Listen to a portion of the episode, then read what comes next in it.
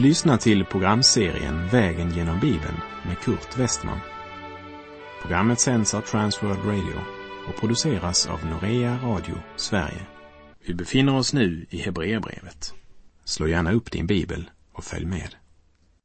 Vi befinner oss i den praktiska delen av brevet till hebreerna. Brevet uppenbarar för oss att det förbund som Jesus har gått i borgen för, det är så mycket bättre än det gamla förbundet med sina offerordningar och där bara några utvalda kunde bli präster. Och vägen till det allra heligaste var stängd.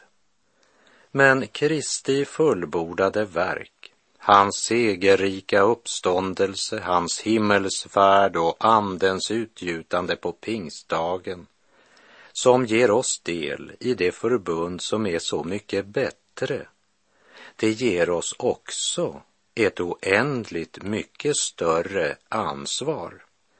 Vill vi vara Jesu efterföljare kommer vi inte undan det ansvar som är en ofrånkomlig del av nådens hushållning. Och det är det ansvaret Hebreerbrevet 12 handlar om. I förra programmet så avslutade vi vår vandring genom trons kapitel. Och när vi kommer till Hebreerbrevets tolfte kapitel vandrar vi genom hoppets kapitel, liksom kapitel 13 är kärlekens kapitel. Och kapitel 12, hoppets kapitel, handlar framför allt om honom som är trons upphovsman och fulländare, frälsaren Kristus. Vi läser Hebreerbrevet kapitel 12, vers 1 och 2. När vi alltså har en så stor sky av vittnen omkring oss, låt oss då lägga bort allt som tynger och särskilt synden som snärjer oss så hårt och löpa uthålligt i det lopp som vi har framför oss. Och låt oss ha blicken fäst vid Jesus, trons upphovsman och fullkomnare, som istället för den glädje som låg framför honom utstod korsets lidande utan att bry sig om skammen och som nu sitter på högra sidan om Guds tron. Hebreerbrevet har kapitel för kapitel påmint oss om hur nödvändigt det är att inte bara vara ordets hörare utan också ordets görare och vara uthålliga och ha blicken fästad på Jesus. Vi uppmanas att inte bara driva med strömmen utan verkligen delta i loppet och vara uthålliga. En av kristenlivets allra största faror är väl stillastående. Att så att säga bli så rädd för laggärningar att man inte heller gör några goda gärningar och så blir overksamma vittnen. När någon går vilse i fjällvärlden, när det är riktigt kallt så är risken stor att man fryser ihjäl. Och första steget i den processen, det är att man faller i sömn. Du måste kämpa mot sömnen och hela tiden hålla dig i rörelse. Eljest fryser du ihjäl. Andligt sett så löper den troende samma risk. Vi måste kämpa för att hålla oss vakna, hålla oss i rörelse, allt närmare Kristus.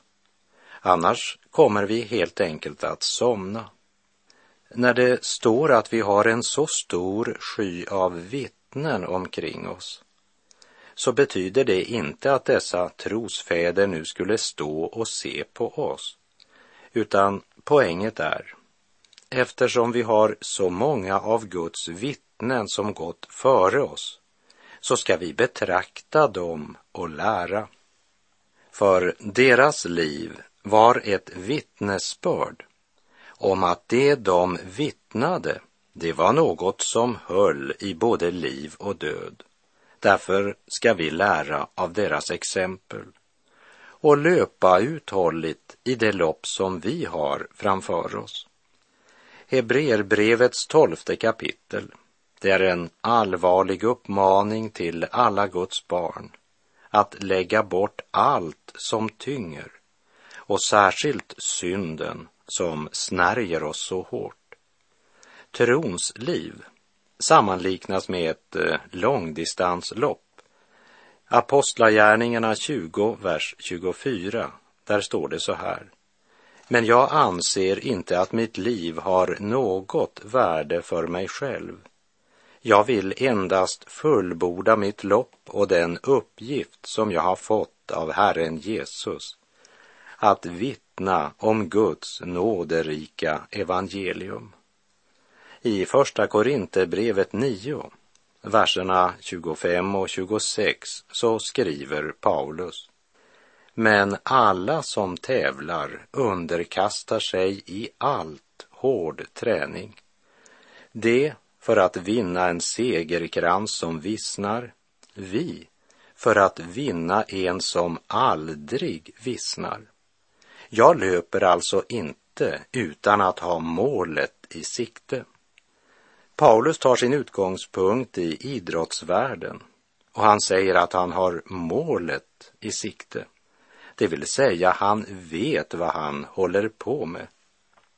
Han är fullkomligt fri, men han använder inte friheten till att springa hit och dit eller strunta i träningsreglerna. Han vill inte använda sin frihet på ett sådant sätt att det blir en frihet till att förlora. Han har frihet att vinna. Han är redo till allt det självförnekande som är nödvändigt, för han har målet i sikte. Han är villig att underkasta sig hård träning.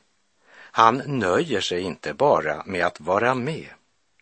Han låter inte något utanför tävlingsbanan distrahera honom. Han satsar allt för att vinna och han har målet i sikte. Och det är något av hemligheten att ha målet i sikte. Att ha blicken fokuserad så man inte irrar hit och dit. Låt oss då lägga bort allt som tynger, säger Hebreerbrevet. Och särskilt synden som snärjer oss så hårt och så löpa uthålligt i det lopp som vi har framför oss.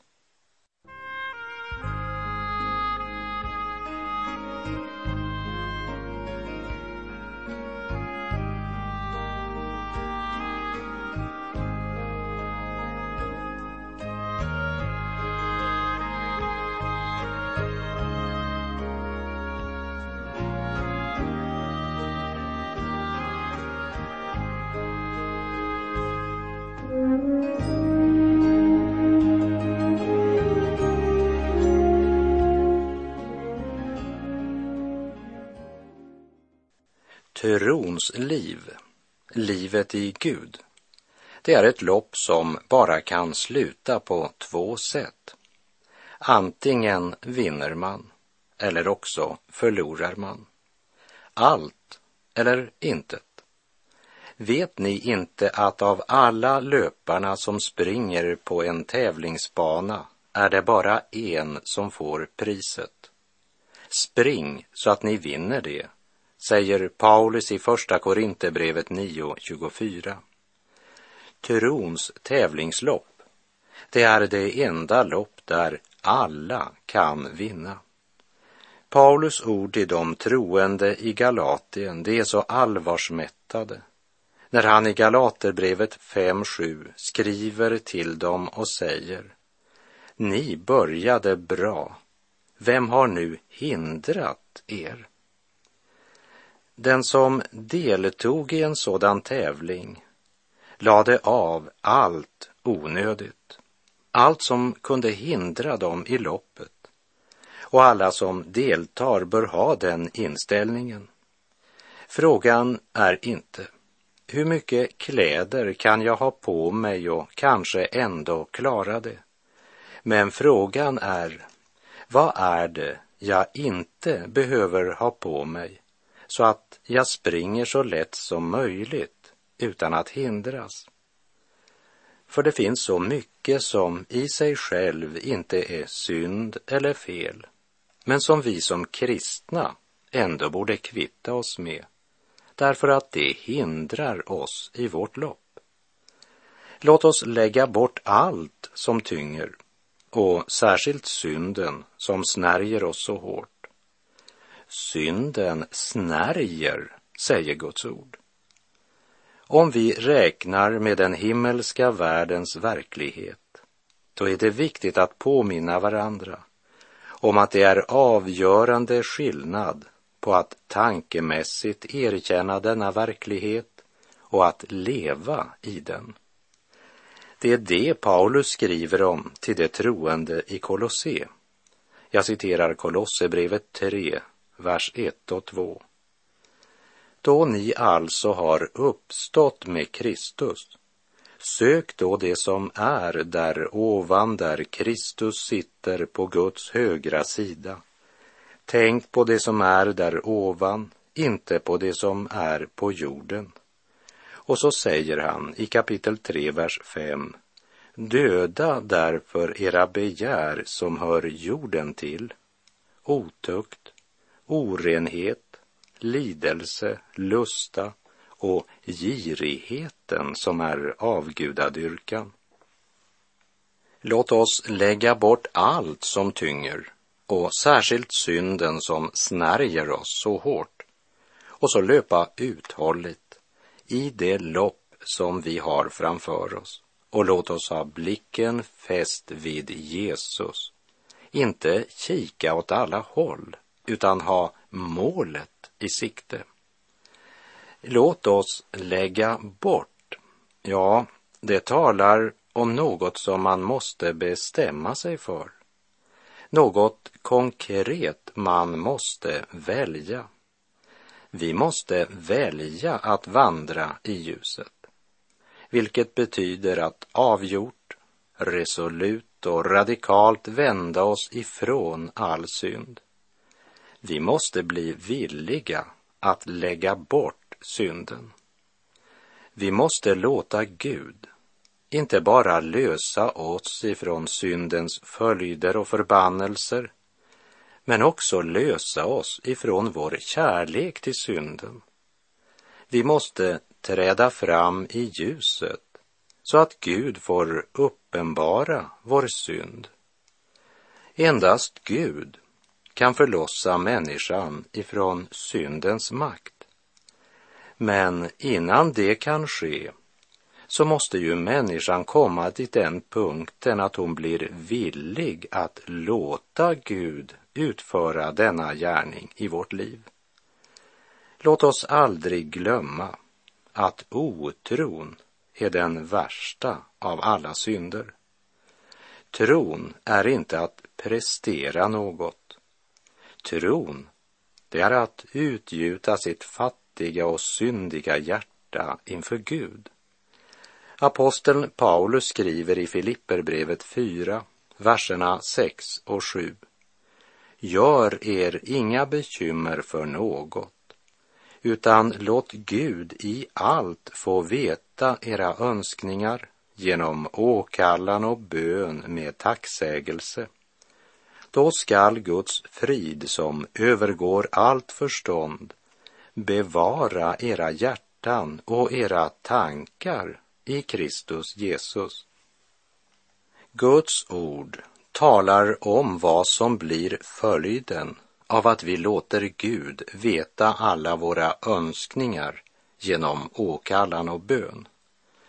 Då ska Guds frid bevara våra tankar i Kristus Jesus. Guds ord säger alltså att Gud kan bevara våra tankar om han bara får lov till det.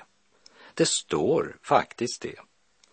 Så låt oss ha blicken fäst vid Jesus, trons upphovsman och fullkomnare och som nu sitter på högra sidan om Guds tron.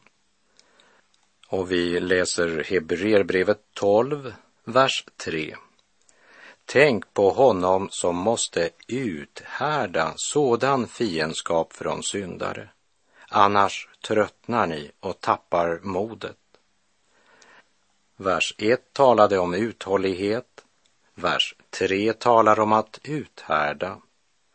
Fiendskapen vi som Guds barn måste uthärda i denna värld skänker tålamod.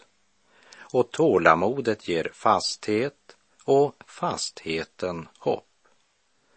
Men om vi inte har blicken fästad på Jesus så får det oss att tröttna och tappa modet. Till de troende i Rom skriver Paulus i Romarbrevet 5 de tre första verserna. Då vi alltså har förklarats rättfärdiga av tro har vi frid med Gud genom vår Herre Jesus Kristus. Genom honom har vi också tillträde till den nåd som vi nu står i. Och vi jublar i hoppet om Guds härlighet. Men inte bara det. Vi jublar också mitt i våra lidanden eftersom vi vet att lidandet ger tålamod. Tålamodet fasthet och fastheten hopp. Brevet till hebreerna, det riktar sig först och främst till sådana som kommit från en religion som hade ett enormt ritual och ett gigantiskt tempel.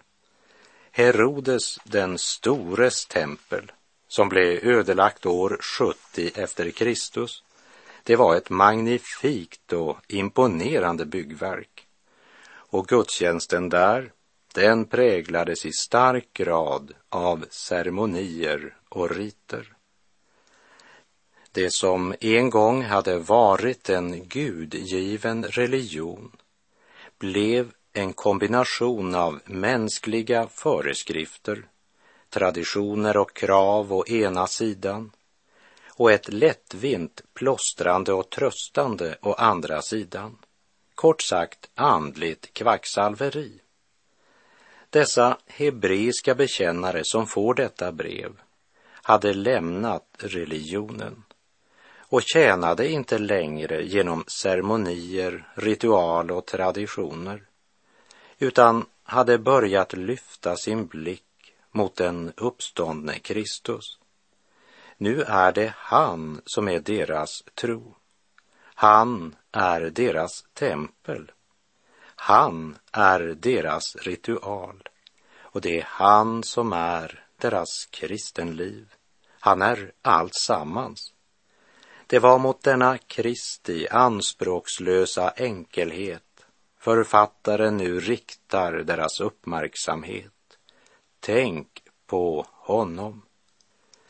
De skulle tänka över vad han hade varit tvungen att genomgå medan han vandrade här nere och hur han lärde tålamod.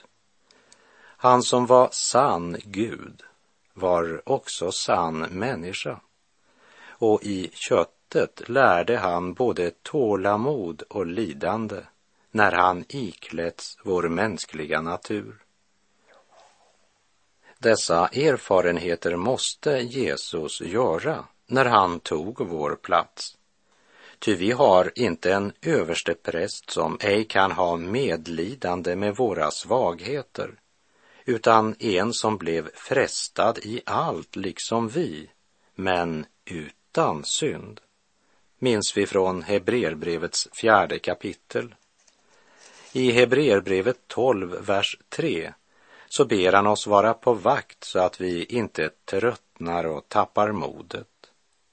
Låt mig klart och rakt på sak säga, om du inte regelbundet håller dig till Guds ord, vilket vill hålla dig nära personen Jesus och där den helige Ande kan ta av det som tillhör Kristus och göra det till en verklighet i ditt liv.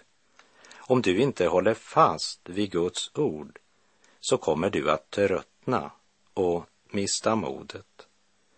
Andlig undernäring, bristande disciplin när det gäller Guds ord, det är en grundläggande orsak till att det finns så många trötta och missmodiga kristna i vårt land.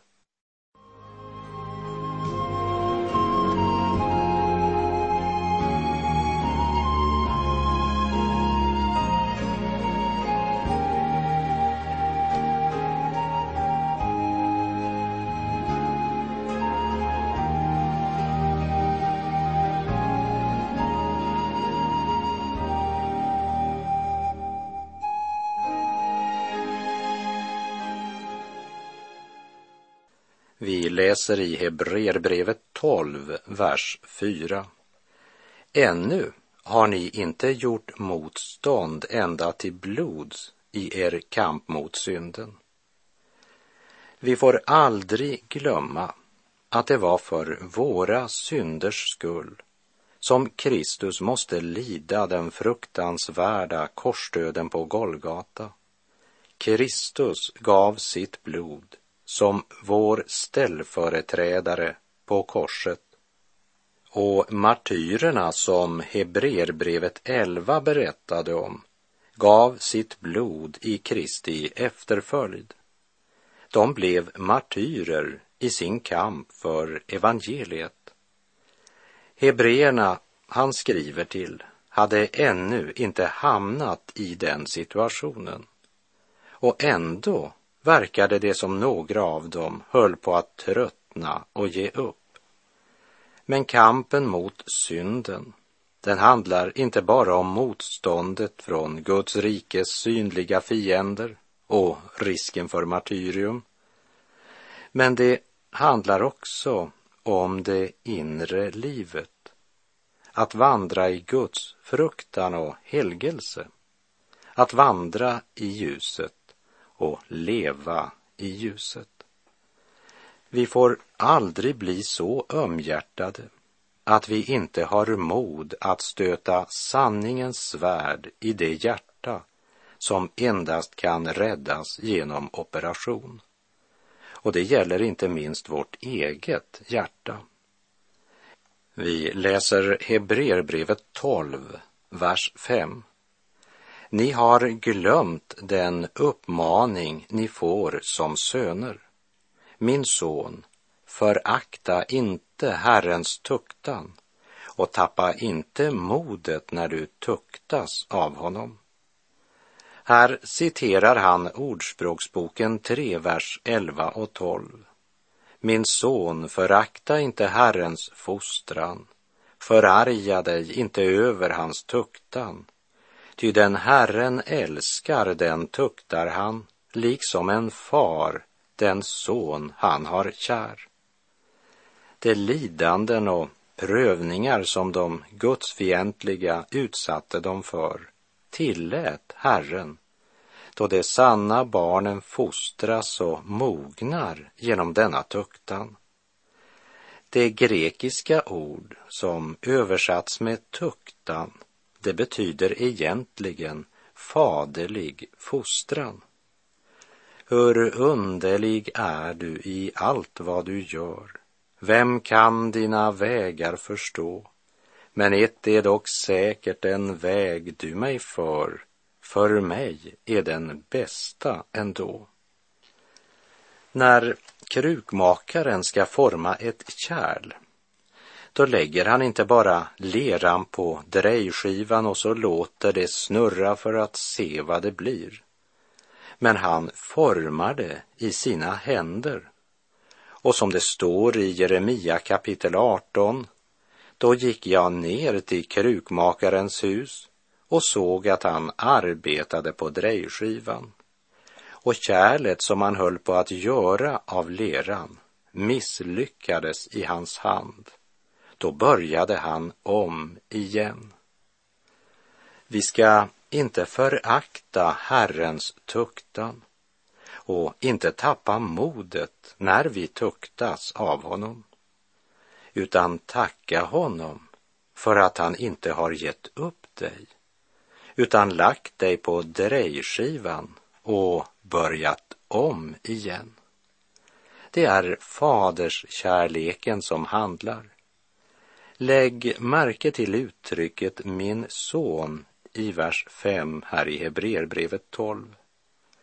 Tätt följd av denna påminnelse i verserna 6 till och med 8. Ty den Herren älskar tuktar han och han agar var son som han har kär. Det är till er fostran som ni får utstå lidande. Gud handlar med er som med söner. Och var finns väl en son som inte tuktas av sin far? Om ni inte får en sådan fostran som alla andra, då är ni oäkta barn och inte riktiga söner. En fråga som ofta återkommer, det är ju frågan varför måste den rättfärdige lida? Lidandet tillhör väl en av vår tillvaros svåraste frågor.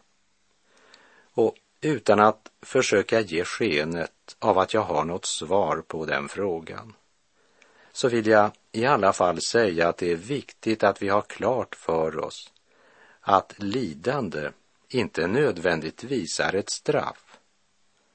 Därför påminner vi varandra att den som älskar Gud kan komma att genomgå mycket ont som inte alls behöver vara en följd av synd eller Guds vrede. Och i det här sammanhanget så är ju Jobs bok en gripande berättelse om en människa som mitt i den djupaste förtvivlan ändå inte önskade att anklaga Gud.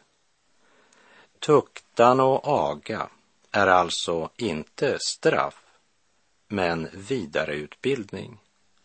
Och med det så är vår tid ute för den här gången. Och jag säger bara på återhörande om du vill och om Herren ger oss båda en ny nådedag. Det är till er fostran ni får utstå lidande. Gud handlar med er som med söner. Och var finns väl en son som inte tuktas av sin far? Om ni inte får sådan fostran som alla andra, då är ni oäkta barn och inte riktiga söner.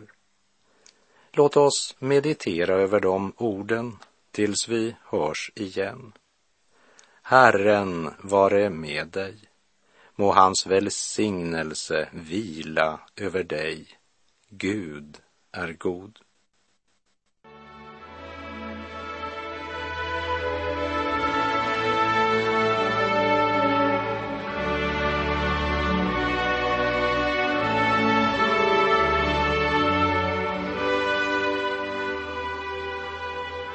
Du har lyssnat till programserien Vägen genom Bibeln med Kurt Westman som sänds av Transworld Radio.